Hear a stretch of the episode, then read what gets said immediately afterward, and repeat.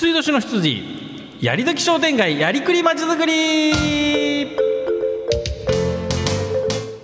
さあ時刻の方は6時41分でございます。えー、やりどきでございますが、や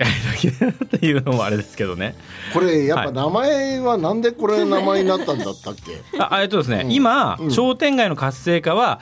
やり時ですよと、ちょうど今が一瞬そうそうそう。今今やんないともうダメですと、で、えー、やりくりまちづくりというのは、じゃあその中でまちづくりのいろんなイベントをやったり、その事業をやったりするのは、やりくりを上手にしてやるもんですと、ね、とにかくお金をいただいたらできますよみたいなものじゃなくて、えやっぱり収支を合わせながらやりくりするんですっていうことで。はい、でその両方合わせましてやりどき商店街やりくりまちづくりですから、はい、ええ。ー、やりたいやりたいとかいうのと違って 何でもない。でいやいやいやいやいやいや。別の世界に入っていってませんか、えー、まあまあまあ、さあ、はい、えー、っとイベントで集客しましょうっていう話をね、はい、えー、っと2回ほど連続でしました、うん、でどんなイベントをやるかということと、はい、それからそのイベントをやる効果と落とし穴という話でございましたけどもね、うん、はい、はい、えー、イベントのスタッフを育てましょうねみたいな話もありましたけどあそうだね。そうやっぱり人材をこれからイベントを通じて育てていくっていうことが大切だもん、はい、ですです。そんなのありました。でえっ、ー、と次にですねこのじゃあイベントをやるにしても、うん、それから商店街のいろんな事業をやるにしても、はい、告知活動が必要なんですっていう話をね。そうですね、えー、やっぱ知られないとね。そうなんです、うん、はいで、えー、その話なんですけど、はい、えー、一番メインになる例えばじゃあフェイスブック使いますとか、うん、ツイッターを使いますとか、うん、ホームページを作りますとかブログをやりますと、はい、ここの部分はですねもういろんな専門家さんがいらっしゃいます。例えば私の前にもね、えー、秋竹正道という人がいますんで。もう使いこなしますか？えー、そう。でそれについては、うん、えーと、そういう時にもっともっと詳しく聞いていただければいいんです。はいはい、で、うん、えー、私の方はもう少しその大枠の部分で実は忘れてませんかと、ね、告知をしましょうって言った時に、すぐすぐ目先でね、そのじゃあホームページだと。とかねそんな風に言ってしまいがちなんですけど、それはそれでもちろんそれをできる人がいる時にはやらなきゃいけませんが、えっと一つ忘れてることまずね2つあるんですけど忘れてることは。一つは商店街の中に私たちは何々商店街ですとか皆さんのいらっしゃる位置はここです。お店がここにありますとかね。それから来た方が手にできる商店街のマップとかこういうですね。その商店街にえと存在している人たち来られた人たちが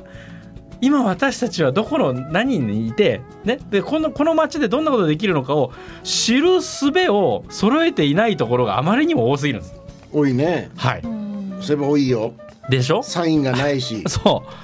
う。ね、入り口出口も分かんないし,、分かんないしトイレのありかも分からない。はいね、だから、もちろん街歩きマップみたいなものをきっちり、ね作ってもいいですし、それから、えー、そうなくそうでなくてもですね本当今言ったように商店街の中のいろんなところのサイン、ね？でしかもこの今皆さんいらっしゃるところは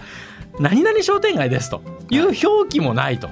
ない。で一番最初にこのコーナーの一番最初に言いましたようにショッピングセンターと比較して商店街はまずは目指すとこ決めましょうと言いました、はいうん、ねその一つはやっぱそうなんですよ。告知宣伝の中でも CM を打つとか、うん、えチラシを出しましょうとかいう前に、うん、じゃ自分たち例えばね、えーと、Y シティさんだったりとか、ねえー、E オンさんみたいなのがあったりするわけでしょ、ね、えー、いいオンさんが。全然すぐわかるじゃん。わかるでしょ？ね？でまあいいやそうです。別にいいんですけどね。ねイオンさんとかじゃああの夢タウンさんと皆さん行ったら、自分が来てるところはもちろん夢タウンにいるとか、イオンにいるとかわかるしね。で自分はそこのどこにいるのか、うん、自分の行きたい店はどこにあるのか分かるようにできてるでしょ？そうそうあのね、ええ、何か商店街で物買って帰るじゃん、え、で家に持って帰って、これいいねって言ってどこで買うてきたんって言ったら、うん、ほら、うん、この近くにあの商店街みたいな みたいなのがあるやんって、こんな説明しかできない。そうなんです、ね、だから外に情報発信情報発信っていうことばっかりに気にしますけど、うんうん、待ってまずまず自分たちの街の中きちんと情報発信できてますか、うん。それはいつもお買い物に来ていただいている方にとってもですねやっぱり自分たちの来ているのは、ね、毎日来ているこの愛すべき街は、うん、あ何々商店街なのよねと、うん、ね。そういうふうにちゃんと認識をしていただくっていうことが第一番なわけです。はい、ここを抜かしてる商店街さんがわりかし多い。いやいっぱい多いね。ええね。もういいやんって。もうめ面倒だし誰か書いてくれる人おればいいけどもう自分たちはしきらんみたいなとかもいいんだろうね、うん、そう。だからそこで何があるとかね、うん、えー、なんどんなことやってるなんていう以前の話。例えばほら、私たちも以前にねあの文字工もお手伝いいろいろしてた時に、うん、どこどこ商店街で今度やりますって言った時に、それはどこにあるやつだっけって言われましたよねよくね。商店街という意識がないのかね。もう道に路面感覚なんだろうね、うん、あまあそうかもしれません、ね、ただアーケードがあるだけ、ええええね、はい、だからそこを気をつけましょうっていうの一つ、うん、で例えばあのじゃあ看板をつけますとかね、うん、例えばそのマップを作りますと言った時に、はい、もし自分たちの手でできなかったら、うん、外の人にやってもらうわけです。そうですね、ね、活性化委員会だったり、それからもう、ね、分かんないことない。広告代理店さんに、ね広告費50%あのだ何、えっと、手数料上げるからと、はい、通常の広告代理店さんは業務20%と取りますけど、うん、50%取っていいから、ね、残り50%でこういうチラシできるように、あんたたち営業で頼むって言っちゃえばもう振っちゃえばいいんですよ。そういう方法もある。彼らはね広告取るのが仕事ですそうそうそうそうそう、うん、はい。そういうことにしてとにかく自分たちの、えー、商店街はどんなところでどんなもので今皆さんここでこういうものがありますって渡せるツールまでは整備する必要があるわけです、うん、はいまあね、うん、フェイスブックとかツイッターにね、うん、今それだって言って言って過信してもねそうそうそう。自分ちのことまずしないね。そうなんです、うん、はい、でもう一つこれも、はい、これも秋武さんには私はいろいろと教えていただいたんですけど、まあ、それも含めて、えー、私がこの関係で師匠と言っているのは実はあのーえー、松江の隣のですね、はい、えー、米子の今は米子市になったのかな、うん、あの境港の境,、はい、境港の観光協会の事務局長さんなんですけど、うん、とにかくマスコミを使いなさいと。マスコミね。はい、マスコミに、えー、マスコミリリースをしっかりしなさいと、はい、こればっかしですよ。ね。ね。はい、でそうすることによって、えー、その自分たちの商店街のやること自分たちの商店街こういうことにこういうところにありますとかいう PR は全部マスコミさんの方で やってくれるわけですから、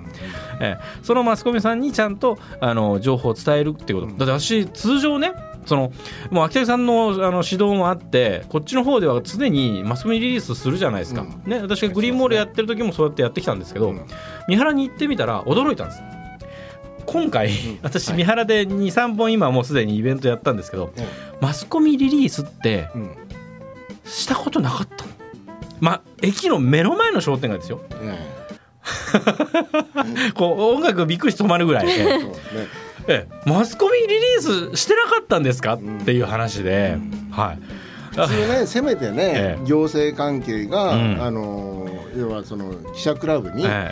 込みぐらいはするもんなんですけど、とかまあね、えー、それもしてなかったんですねでマスコミリリースの極意についてはね、うん、もうこれはもう秋武さんからもいろいろと発言があちこちにあるように、ね、ポイントがいくつかありますけど、ね、はい、もう書いてもらえるような記事のになるようにもこちらから、えー、渡していくとか、うん、ね、から事前に取材とかしてくれるんだったら、ね、それにはもう最大限にこちらも協力するとかいろいろポイントがありますけれども。とにかくマスコミリリースすることが大体商店街の人は大事です。ですね。ね。であのー、例えばイオンさんとかね、うん、あのー、夢タウンさんがしてもですね、はいうん、絶対新聞載らないやのかとか。そう。商店街がやっぱ乗るんだよね。そうなんですよ。規模がちっちゃくても商店街が今回なんか活性化とか、うん、それからね福祉とこうコラボレーションでやりましたっていう、いややりますって言えば載せてくれるんですよ。街づくりの観点からね。そうそうそうそう。だから商店街ほど有利なものなんですよね。お店一店舗できただけでね記事になりますからね。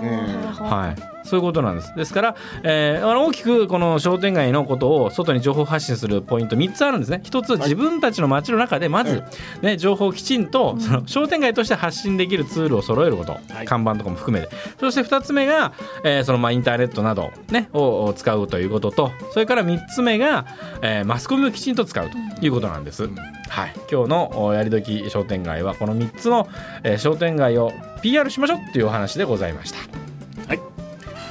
さあということでやりどき商店街やりくりまちづくり今日は終了でございます。